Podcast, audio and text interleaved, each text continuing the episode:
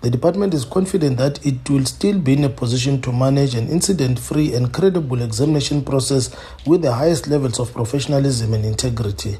The department urged communities to be the first line of defense and to deliberately create conditions that are favorable for candidates to prepare and focus on their studies for the duration of the examination period.